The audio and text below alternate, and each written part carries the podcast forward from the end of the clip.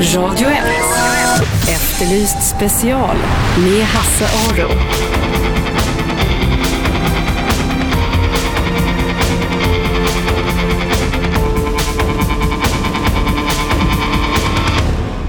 Välkomna hit till Efterlyst special här på Radio 101,9, Sveriges bästa pratradio enligt eh, Radioakademin tror jag det var som gav priset.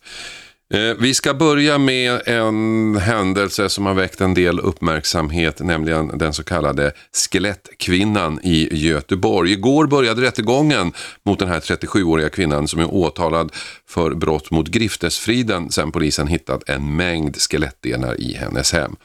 Där fanns sex människokranier, en ryggrad och ett stort, del, ett stort antal andra mänskliga skelettdelar. Och enligt kammaråklagaren Kristina Ehrenborg Staffa ska kvinnan bland annat ha använt skelettdelarna för sexuella ändamål. Eh, kvinnan själv förnekar det här. Hon menar att hon har ett intresse för döden och nekrofili men bara i rent teoretiskt syfte. Hon säger sig planera flera böcker i ämnet och det skulle förklara de anteckningar och andra saker som hittades i hennes hem. Igår var det alltså rättegång. Rättegången inleddes med förhör med kvinnan. Och det är det vi ska lyssna på. Eh, åklagaren började med att prata om kvinnan och hennes försörjning, hur hon har försörjt sig eh, eftersom hon själv medger att hon aldrig haft ett jobb. Jag har aldrig arbetat i hela mitt liv. Nej. Hur har du försörjt dig? Vi vet ju att du har inte haft socialbidrag hela tiden. Ingen kommentar. Varför inte då? Nej, jag ser inte det som att det är... Med tanke på media och uppmärksamheten kring det här fallet så känner jag att jag inte vill tala om min, mitt liv. Och Ja. så som jag har, eftersom det har inte med detta fallet att göra. Är det så att du har sålt eh, skallar och liknande, att det är det du har fått in pengar på? Jag har sålt tre skallar, en ryggrad och en arm.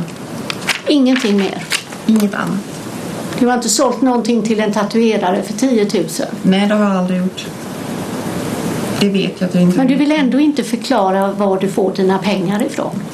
Nej, jag tycker att det här är ett griftefridsfall, inte ett eh, ekonomiskt fall. Liksom. Men man måste ju ändå leva på någonting. Det är klart det kan ju ha betydelse. Jag säger ingen kommentar.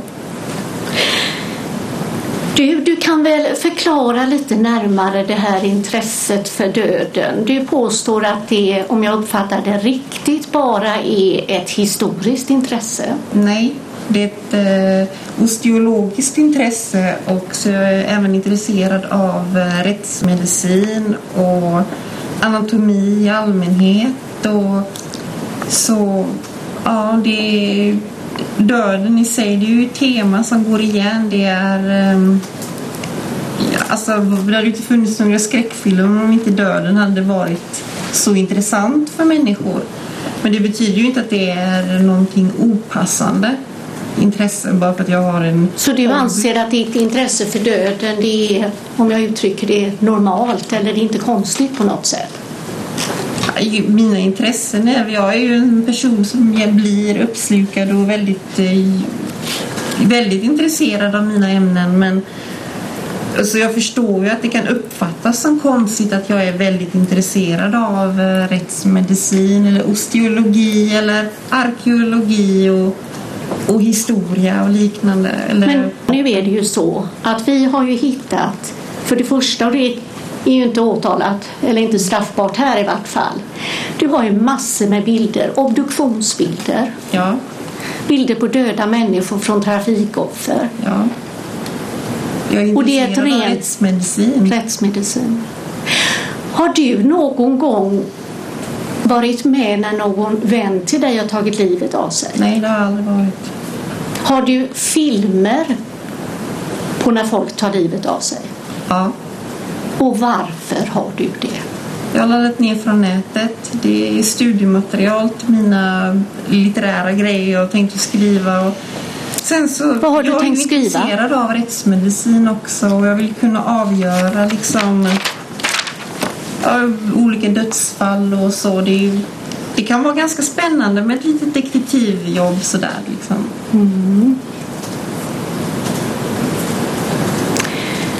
Vad är det för bok du har tänkt att skriva? Eh, Jag har flera idéer. Typ? Ehm,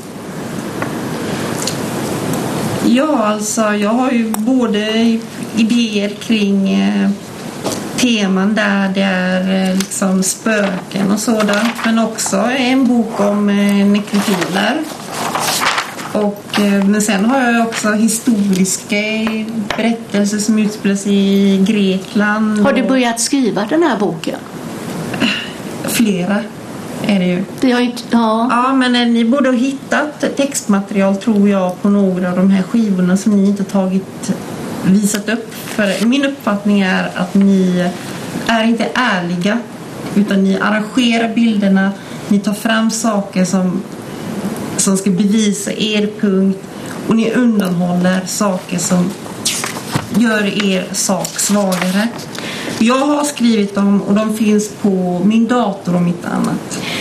Du, eh, det här, vi såg ju när jag gick igenom bildmaterial Västra kyrkogården och så stod det tillskrivet någonting bra att leta här. Vad är det för dokument? Det är eh, Urban Exploring. Det är nedladdat från Flashback. Och det kan man hitta på Flashback om man söker på det filnamnet. Står det även bra att leta här? Ja. Urban Exploring. Där, Och vad är det bra att leta där då? Det kommer inte jag riktigt ihåg faktiskt. Men Urban Exploring är när man letar i eh, tomrum i eh, urbana miljöer. Eh, letar efter liksom ruiner och så här som inte är offentliga anrättningar på det viset att folk känner inte till dem. Så det är ren tillfällighet att du letar efter historiska föremål på en kyrkogård då? Jag har aldrig använt kartan. Jag tycker bara det var intressant. Eh, Jag är intresserad av ruiner också. Varför har du kort på Östra sjukhusets spårhus? Det var min berättelse som jag hade tänkt att skriva om kring det ämnet. Ja, men varför behöver du en berättelse? kan man väl skriva utan att ha kort på bårhus och utan att... Du menar Östra sjukhuset plan? Eller ja, menar du... ja, jag menar den planen. Ja. Nej, det är till min berättelse. Det ska ju vara så autentiskt som möjligt. Jag eh, gillar inte när det, är, eh, när det, när det inte känns äkta i berättelser. Du, är det du som har tagit de här korten på Eksjö bårhus? Det är inte jag som har tagit dem. Och jag Varför? äger inte kameran som har tagit dem heller. Jag har aldrig varit i Eksjö. Hur har du... Träffade du inte Axel i Eksjö? Nej. Vi träffades via nätet. Men han bodde i Eksjö. Ja, det kanske han gjorde. Men vi har, jag har aldrig varit i Eksjö. Så du har laddat, varför laddade du ner Eksjö bårhus då? För jag vill ju skriva berättelser. Ja, men nu hade du ju Östra bårhus. Ja, ja, men det ska ju vara flyta runt. Liksom. Det är ju, en berättelse är liksom inte bara en incident, utan det är ju mycket. Är, Och den, den här koden till Eksjö bårhus? det är eh, siffrorna betyder någonting för mig. De är, har ingenting med verkligheten att anskaffa som ni har märkt. Ni lyssnar alltså på Efterlyst special. Vi eh, spelar upp eh, förhör från eh, igår eh, när den så kallade skelettkvinnan i Göteborg blev eh, Rättegången mot henne inleddes. Och eh, i bevismaterialet så ingår alltså en mängd skelettdelar som fanns i hennes hem då. Eh, kranier och ryggrad och sådana saker. Sex människokranier och en ryggrad och så andra då skelettdelar som åklagaren menar att kvinnan bland annat skulle använt för sexuella ändamål. Hon, kvinnan själv, förnekar detta och menar att allt det här ingår i hennes planer på att skriva böcker om ämnet. Centralt i, i åklagarens bevisföring är kvinnans dator. Det är där man har hittat många bilder. Bilder som åklagaren visar hur kvinnan poserar med kranier till exempel. Eh, berättelser om nekrofili och, och längtan efter nekrofili. Eh, men kvinnan menar att det här har inte hon skrivit utan det har hon laddat ner från nätet. Ett problem är att kvinnan har krypterat mycket av innehållet i sin dator och polisen har helt enkelt inte lyckats knäcka koden. Så eh, mycket av det som skulle hjälpa polisen i det här möjligen eh, har man inte fått tag på. Och åklagaren då, Kristina Ehrenborg Staffad, Staffas, undrade då i gårdagens eh, förhör om varför kvinnan krypterat sin dator. Eh, Varför har du dina datorer krypterade? Vad hittar vi där? Jag är intresserad av nätsäkerhet och jag tycker att det är viktigt att alla krypterar och håller sig så gott man kan Så att inte, jag är motståndare till eh, att det, inte- man inte får fildela. Och jag tycker att det är en värd protest mot eh, lagstiftningen mot fildelning att kryptera sina datorer. Vad har du på de datorerna? Jag har eh, filmer och jag har texter. Jag Vad för filmer? Vad för filmer? Eh, vilka hårddiskar menar du? Ja, De, vilka då? nu är det ju så här att du har ju suttit häktad i Mm. två och en halv månad om jag inte tar fel. Ja. Och hade Mm. inte det varit lämpligt kanske att ge oss lösenordet än att hellre sitta och vi undrar vad det är som ligger där? Vad, det spelar väl ingen roll vad som finns där? Ja, men om, om vi nu ville ha det, varför, varför fick vi det inte? För jag kommer inte ihåg lösenordet. Det var så långt. Jaha. Jag har glömt av det. Det är därför det inte var öppnat. Hur länge har du eh, varit intresserad av det här med död? Det vet jag inte. Länge? Sen du var liten? Nej, Ja, men ungefär hur länge? jag vet inte. 15 år? Kanske 20? Det...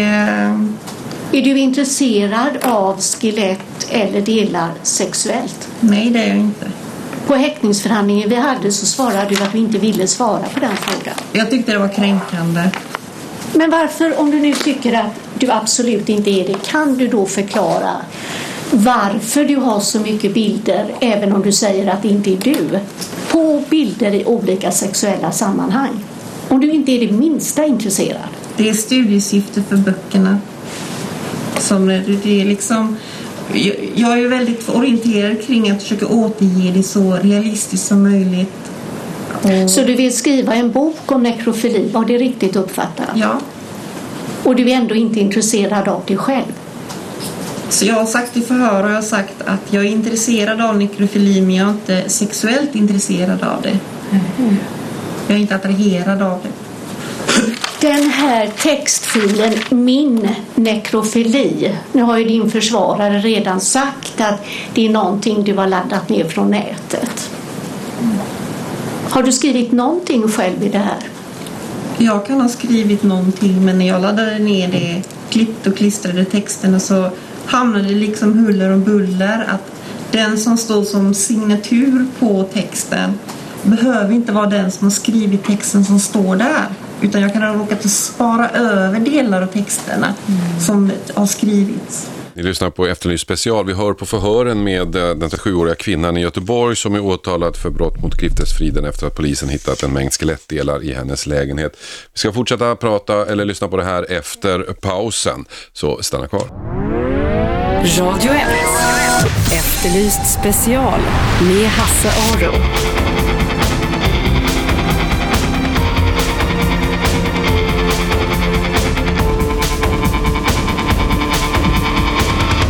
Välkomna tillbaka. Vi håller på att lyssna på förhöret med den så kallade skelettkvinnan i Göteborg. En 37-årig kvinna som är åtalad eh, för brott mot griftesfriden.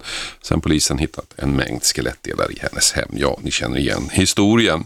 Och eh, kvinnans egen eh, förklaring till de här skelettdelarna och till alla texter som hittades i hennes dator är, dator är att hon eh, planerar att skriva flera böcker om döden, om rättsmedicin och om nekrofili. Och det här förklarar alltså fynden i hennes lägenhet. Åklagaren trodde inte riktigt på det här i gårdagens eh, förhör. Om jag skulle skriva en bok så kanske jag skulle skriva om någonting jag tyckte om.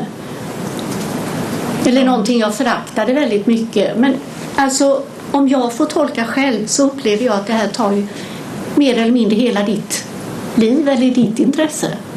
Nej, det stämmer inte. Det gör det inte. Nej. Jag noterar också att alla de här texterna ni använder, de är från 2004, 2006. Det finns inget nytt material. Om vi nu, vi ska ju höra olika personer här, om de nu säger något helt annat, vad har du för kommentar? Jag måste höra vad de har att säga. Du, den här min första upplevelse att, eh, som jag påstår du ska ha haft ihop det med en Det begravningsentreprenör. stämmer inte.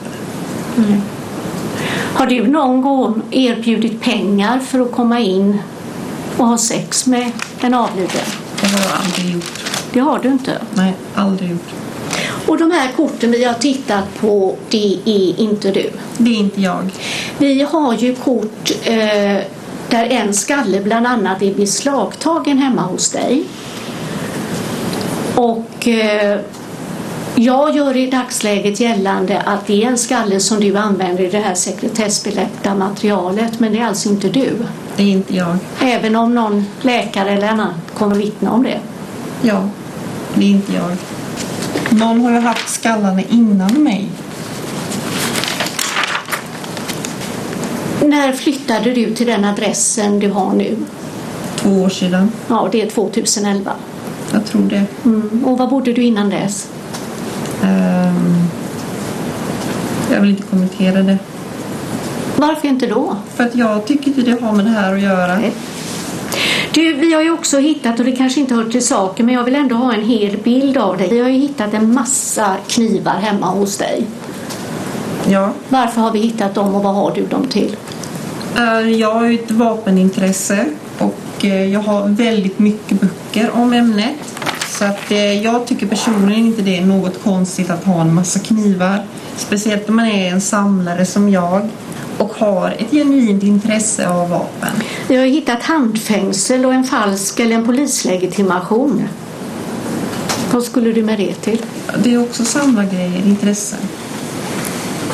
Ni lyssnar på Efterlyst special i Radio 1 där vi hör på förhören med den så kallade skelettkvinnan som hölls i Göteborgs tingsrätt igår när rättegången inleddes. Och eh, kvinnan hade ju en, eh, förutom skelettdelar en hel mängd verktyg och grejer i sin lägenhet i ett dolt rum, i någon slags lönnrum. Själv förklarar hon att det här utrymmet var en säkerhetsåtgärd, ett slags panic room eftersom hon bor i ett osäkert område. Verktygen var dels en research inför hennes böcker, dels helt normala verktyg att ha hemma, hävdar kvinnan. Du, den här berättelsen i boken, pannlampa, eh, andra saker. Vad, vad skulle just den berättelsen handla om eftersom du köper in detta nu? Du måste ha en plan vad du skulle skriva om, annars köper man ju inte detta.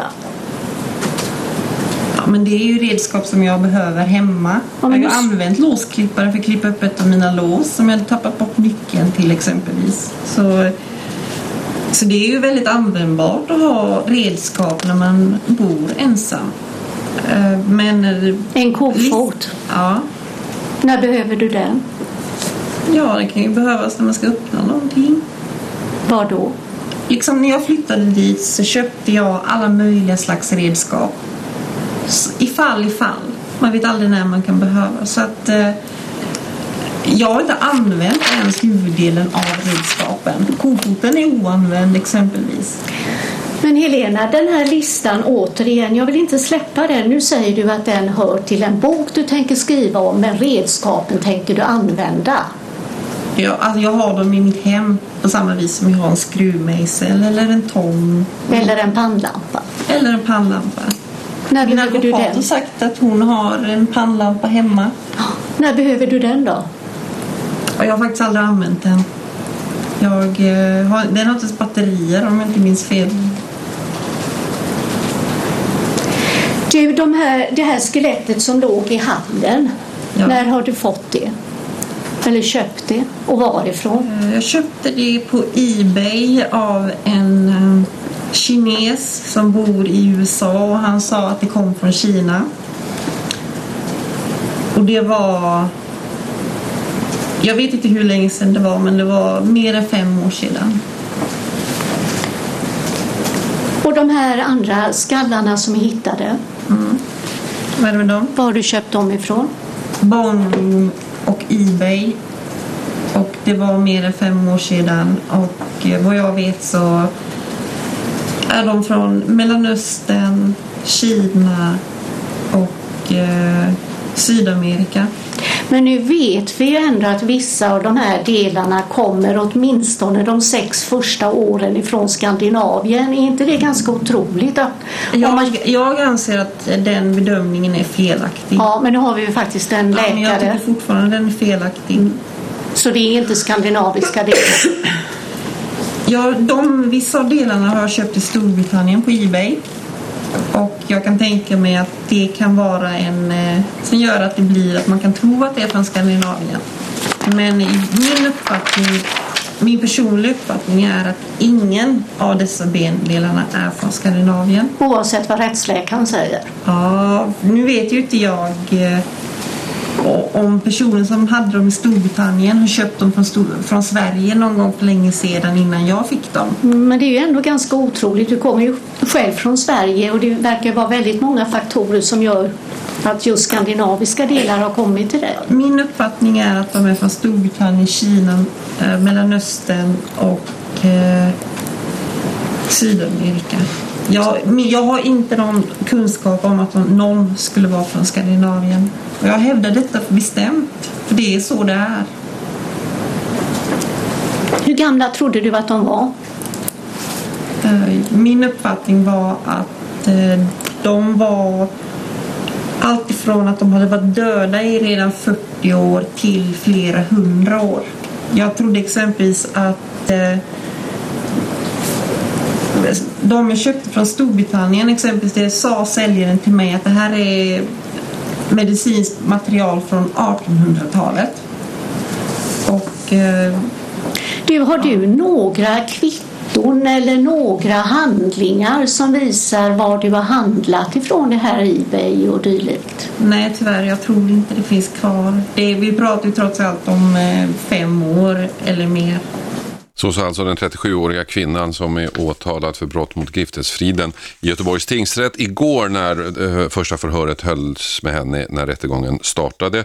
Nu återstår några dagar med vittnesförhör och efter att ha hört det här första, så en personlig reflektion, så tror jag att åklagaren får lite svårt att driva det här målet i hamn. Ni lyssnar på Efterlyst special. Efter pausen ska vi byta ämne helt och hållet och prata om buggning. Radio 1. Efterlyst special med Hasse Aro.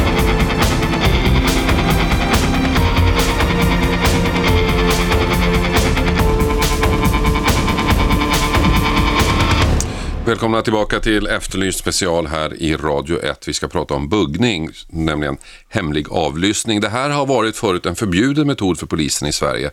Men i fem år har polisen ändå haft den möjligheten genom en tillfällig lag. Och nu är frågan, ska polisen få fortsätta med det? Ska den tillfälliga lagen bli permanent? En utredning har haft som uppgift att titta på hur den här tillfälliga lagen har funkat och hur det ska se ut i framtiden.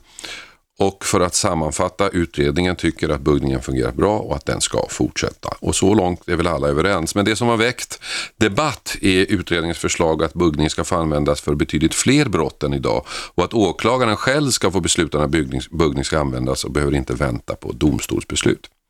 Till exempel föreslås att även Ekobrottsmyndigheten ska få bugga. Skräckscenariot som en del målar upp är att du går till jobbet och så smyger myndigheterna in i din lägenhet, placerar mikrofoner. När du kommer hem märker du ingenting. Allt för att du är misstänkt för skattebrott. Den som har lett arbetet med utredningen eh, om det ska bli fortsatt tillåtet med buggning är Sten Heckscher, tidigare näringsminister, rikspolischef, president i kammarrätten och ordförande i regeringsrätten. Imponerande CV och det är en imponerande utredning. 900 sidor, genomarbetad, välskriven och lättläst. Jag säger- påstår inte att jag har läst hela, men jag har läst delar. Och Sten, välkommen hit. Eh, jag inledde här med att tala lite om kritiska rösterna som har kommit in. Men, men, men vi börjar i andra, andra ändan. Hur har buggningen fungerat hittills? Ja, relativt sett bra. Man har i vissa fall fått avgörande upplysningar om mycket allvarliga brott. Både, ja, merparten av de ganska få fall där det har använts rör grova narkotikabrott. Men det finns också exempel på, på terroristrelaterade brott där man har fått viktiga upplysningar. Som man inte skulle fått annars. Ja, Ett exempel som, som eh, talas om är ju eh, det planerade terrorattentatet mot Jyllandsposten i Danmark. Det var ju då ett gäng som skulle eh, utföra ett attentat där eh, från, och de var eh, planerade här i Sverige så att utredningen gjordes i stor utsträckning i Sverige och där användes buggning. ja. Och det var, ganska, det var helt avgörande i rättegången. Ja, det var det. Nu eh, i den här utredningen så har vi gått igenom alla fall av buggning under ett specifikt år. Vi har gjort en översiktlig bedömning av alla buggningsfall som överhuvudtaget har ägt rum i Sverige under de här fem åren. Men sen har vi gjort en djupundersökning på ett års ärenden. Och det är väl ett par saker som är värda att nämna. För det första så har det ju inte använts särskilt ofta. För det andra är det så att när man har fått beslut om buggning så är det inte alltid det har kunnat verkställas. Man har ju tekniska svårigheter och, och man får inte alltid dit prylarna och så vidare. Eh, för det tredje, och det tycker jag är en av de mest intressanta sakerna med den här undersökningen, det är att vi kan ju belägga motstrategier från de som eh, är föremål då för, för buggning. Det, eh, man noterar att, att eh, när det är fråga om känsliga samtal så spelar de musik högt eller går ut på stan eller går till en mack eller vad det nu kan vara. Så man kan alltså notera att det här är människor som gör allt vad de kan för att eh, inte dra på sig polisens uppmärksamhet. Och det där är intressant i, i i, i vår djupundersökning, att man ser de där motstrategierna. Mm, det är människor som alltså förväntar sig att de är avlyssnade? Ja. Eh, på vilket sätt påverkar det då polisens möjlighet att få information via avlyssning? Ja, det är ju svårare och svårare. Jag menar, vi, vi började lite det är framförallt på narkotikaområdet man har använt avlyssning och vi har mm. haft det mot narkotikabrott i ungefär 40 år vid det här laget. Och inledningsvis var det ju naturligtvis mer effektivt än vad det så småningom blev. Mm. Eh, och det finns ju åtskilliga motstrategier. Jag menar, de som har sett The Wire vet ju hur man gör så att säga. Ja. Man, man går in på bensinmacken och köper en hel plastpåse full med, med mobiltelefoner. Man byter telefoner hela tiden. Det, eh, det är svårt alltså. Hur många fall har, eh, har, har det använts den här eh, tillfälliga, alltså fem år tillfälliga ja. möjligheten? Hur många fall pratar vi om egentligen? Ja, jag kommer inte ihåg exakt hur det är, men säg att det är en 30-40 fall beslut om året. Mm. 30-40 beslut om året och sen så är det en rätt så ansenlig del som det aldrig blir någon avlyssning av de här tekniska skälen jag nämnde. Så det, det används i mycket liten utsträckning och, mm. och det är bra. Det ska vara så och ett skäl till att det används väldigt lite är att, att polis och åklagare måste prioritera stenhårt innan de använder en sån här metod eftersom det går åt så enkelt uttryckt förbaskat mycket poliser hela tiden. Mm. Man måste lyssna i realtid, kanske med tolkar, man måste ha spanare på stan, man måste ha poliser som är, är, beredda att ingripa och så vidare. Så det här sker en, en naturlig sållning till bara mycket allvarliga fall. Det pågår ett narkotikamål i Stockholm nu, ett stort kokainmål där, där, man har, eh, där polisen har använt buggning. Man bland annat har buggat en bil. Och um, om man ska uttrycka sig, försöka sammanfatta så har ju det där inte, det har ju präglats av en viss klantighet, eh, själva användandet av buggningsutrustningen. Man kan säga så här att att det här är en ny metod. Man har vissa svårigheter, man blir efterhand duktigare på att använda dessa hjälpmedel. Men det, det finns svårigheter av tekniska eh, skäl och också att man kanske är, är ovan vid metoden. Och det är väl bra att man är ovan vid den metoden. Mm. Om vi ska stanna upp vid det här Jyllandsposten som jag tycker är ett intressant ärende. Eh, där var det alltså ett seriöst planerat Eh, Eh, terrorattentat och de här gärningsmännen var på väg till Danmark för att utföra det här attentatet. Så att eh, det råder ingen tve tvekan om att det faktiskt eh, skulle ägt rum. Eh, hur ofta tror du att det är fall av den här digniteten som man så att säga kan stöter på där man kan använda eh, buggning? Ja, alltså lyckligtvis så har vi ju inte så många fall av den där allvarliga digniteten utan det är, det är ju ovanlig lyckligtvis eh, situation. Men, men det, det är ju för särskilt, alltså det här får man ju inte använda för vilka struntbrott som helst inte, utan det måste vara brott som har eh, ett minimistraff på, på fyra års fängelse. Det är inte många som har det. Eller också att man i det enskilda fallet kan säga att det rör sig om ett brott som eh, förtjänar mer än fyra års fängelse. Så att, men det används ju för synnerligen allvarlig brottslighet. Mm. Eh, du går igenom också lite grann i den här utredningen hur du tror att brottsligheten ska utvecklas, hur det ser ut i framtiden. Om du skulle, det är ett ganska långt avsnitt, men om du skulle sammanfatta den, hur, vad, vad har vi för brottslighet att förvänta oss närmaste tiden? Ja, alltså det, det, är väl more of the same och kanske lite mer raffinerat. Mm. Det beror ju också på, på vilken abstraktionsnivå man befinner sig. Brottslighet har ju alla tider varit att folk har slagit varandra på käften och att de har berikat sig på andras bekostnad. Sen kan ju metoderna utvecklas och det är väl det vi har sett och det vi ser. Sen kan man ju konstatera vidare att, att vi har mer av, av allvarlig gängbrottslighet i Sverige än vad vi haft tidigare. Och det finns eh, liksom inga skäl att tro att det plötsligt ska försvinna utan det kommer vi ha i framtiden också. Eh, sen är det naturligtvis på det viset att eh, också ekonomisk brottslighet blir mera raffinerad. Överhuvudtaget så är det en väldig professionalisering av brottsligheten skulle jag säga. Jag jobbade eh, i slutet på 60-talet jobbade jag på Kronohäktet Långholmen under en period. Och, och då var det ju mycket enklare. Jag menar en kassaskåpstjuv var en kassaskåpstjuv och dessutom erkände han.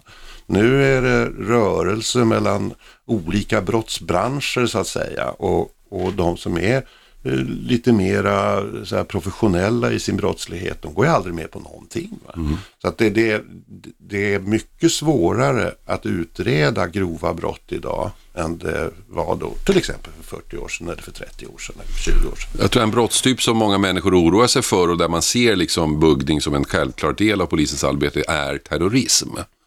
Men den beskriver blir ju betydligt mer eh, komplicerad i framtiden än, än, än den, de här terrorgrupperna som vi har sett tidigare redan på 70-talet. En, en väldefinierad grupp som utför eh, terrorattentat, då, eh, Röda armén till exempel i Tyskland och sådana saker.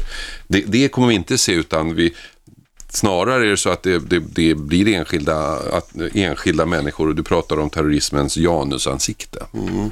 Alltså det är mer av lösa nätverk och det blir ju svårare att, så att säga, hålla ordning på eh, än tidigare. Mm. Men samtidigt så blir ju också till exempel Säkerhetspolisen är mycket mer kvalificerad nu än den var för 30 år sedan också. Så det är mm. inte bara brottsligheten som blir mer svårbekämpad utan eh, också polis och åklagare blir duktigare. Ni lyssnar på Efterlyst special. Vi sitter här och pratar med Sten Heckscher som har lett arbetet med en eh, utredning som eh, tittat på den tillfälliga lagen som finns i Sverige som har eh, i fem år gjort det möjligt för polisen att använda buggning i sitt spaningsarbete, något som tidigare varit förbjudet. Och den här utredningen ska fråga sig naturligtvis hur har det här fungerat och hur ska det fungera i framtiden. 900 sidor eh, går igenom de här fem åren och vi har pratat lite grann om de positiva exemplen där det har fungerat. Eh, ett område som du också är inne på som är relativt nytt, det är den politiska extremismen. Ja, alltså men generellt sett så handlar det ju om mycket allvarliga brott. I princip eh, brott som riktar sig mot liv och hälsa och narkotikabrott. Det är liksom eh, de brottstyper som är, vanliga här. Om sen motiven för de här allvarliga brotten är av vissa slag, det är ju sin sak. Men man mm. får aldrig glömma bort att, att ett mord är ett mord och, och, och, och så. Alltså, och det är det som ska kunna motivera att man använder så här integritetskränkande metoder som buggning. Mm. Hur integritetskränkande är det på en skala? Om man får ställa den frågan. Ja, vi har försökt att titta på det också. Vi har försökt att belysa dels eh, vilka förväntade integritetsintrång det har varit, dels vilka de verkligen har blivit. Och det är ju självklart att det, att det, det blir det.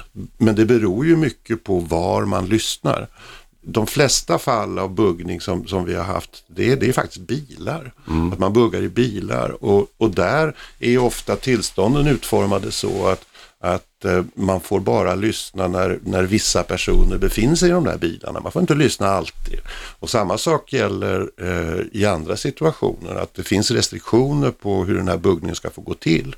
Och dessutom så är ju inte polisen intresserad av en massa kringinformation. Det är bara tids och arbetskrävande att hantera. Så att mm. man, man kan konstatera i vår undersökning att såväl polis och åklagare som domstolar strävar efter att i de enskilda fallen inte ska bli mer integritetskränkande än nödvändigt. Men det är självklart att det är integritetskränkande. För det, i praktiken går det ju till så att polisen smyger sig in i en bil som man äger eller i hemmet eller sånt där och placerar den här utrustningen förhoppningsvis så smart att man inte ser den och sen ut och så, och så kommer man tillbaks hem och så vet man inte, eller sätter sin bil så vet man inte att det här har hänt. Nej, det är ju liksom poängen. Alltså, ja, om, om de visste att, att det hade hänt ja. så vore det kanske inte så stor glädje med det. Det är också poängen, men det, det där är också lite grann som, som um, integritetshotet äh, ligger därför att det, det, myndigheterna tar sig rättigheter mot medborgare på ett sätt som riktigt. medborgaren inte inte gillar tror jag, vare sig han är skyldig eller inte. Vi ska prata mer om det efter pausen. För att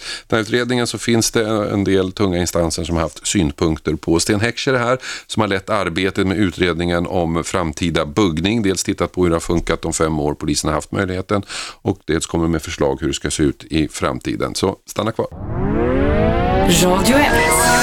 Efterlyst special med Hasse Aro.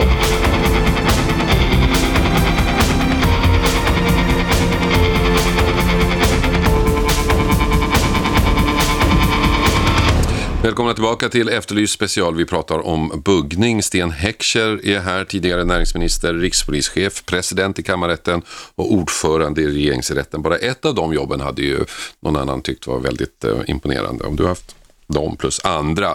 Men vi ska prata om en utredning som Sten Heckscher har lett, nämligen eh, en utredning som tittat på buggning, hemlig avlyssning. Det här har ju varit förbjudet för, eh, en förbjuden metod för polisen i Sverige. Men i fem år har man ändå haft möjligheten genom en tillfällig lag. Frågan är nu, ska den här lagen bli permanent? Den här utredningen har haft som uppgift att titta på hur det har fungerat och hur det ska se ut i framtiden. Utredningen tycker att buggningen fungerar bra och att den ska fortsätta och det tror jag de flesta är överens om att det är rimligt. Men det är två frågor som har väckt debatt i den här utredningen. Dels att uh, utredningen föreslår att buggning ska få användas för betydligt fler brott än idag. Och att åklagaren själv ska få besluta när buggning ska användas och inte behöver vänta på domstolen. Och de här två förslagen eller de här två punkterna, Sten, de har ju väckt en hel del uppmärksamhet. Advokatsamfundet, justitieombudsmannen, säkerhets och integritetsnämnden är kritiska mot det här. Det är ganska tunga instanser. Ja, och sen finns det gott om tunga instanser som också godtar det här. Mm. Det, är ju, menar, det är en bra grej i svenskt beslutsfattande att man har ordentlig remissbehandling, att man får fram olika synpunkter och, och jag har respekt för dem invändningar som kommer från de här hållen och det är mm. naturligtvis en avvägning. Nu, för det första så vill jag då ändå säga att det är ju ingen explosion av nya brott som man ska kunna använda det mot eftersom kraven Eh, på vilka brott det ska vara fråga om är så oerhört hårt ställda. Det ska ju verkligen vara riktigt grova allvarliga brott som kan leda till mer än fyra års fängelse. Mm. menar, det, det, är inte vilka snatterier som helst så att säga, för det första. Va? För det andra så ska det vara av synnerlig betydelse för utredningen. Man ska i princip inte kunna få viktig information på något annat sätt. Alltså. Mm. Så här, men, men, man kan alltid diskutera, det, det kommer ju inte att bli någon massanvändning av buggning även om men vi, vi menar att eh, om ett brott är så grovt att man kan säga att det här leder till mer än fyra års fängelse, ja då är det rimligt att man får mm. använda sådana metoder. När det gäller det här med åklagares rätt att besluta så är, är det också begränsat till synnerligen brådskande fall och mm. de ska springa till domstolen direkt när, när domstolen öppnar så att säga. Mm. ja, de kan, får fatta beslut här och nu och sen måste de få det godkänt. Och så måste de gå till domstol och, och vi har alltså konstaterat i vårt material att det finns situationer där man missar viktiga eh, möjligheter det inträffar saker och ting på, på kvällar och veckoslut och så vidare där polisen snabbt måste agera. Och vi har väldigt kvalificerade åklagare i Sverige, de är skilda från polisen och eh, jag tror att, att detta är inte någonting som åklagare kommer att missbruka. Men man kan naturligtvis ha olika uppfattningar mm. om det här det har jag respekt för. Vi vill lämna just den delen. Eh, Advokatsamfundet skriver bland annat att de, de tycker att buggning bara ska få användas när liv och hälsa är i fara och brott mot riket, som de skriver.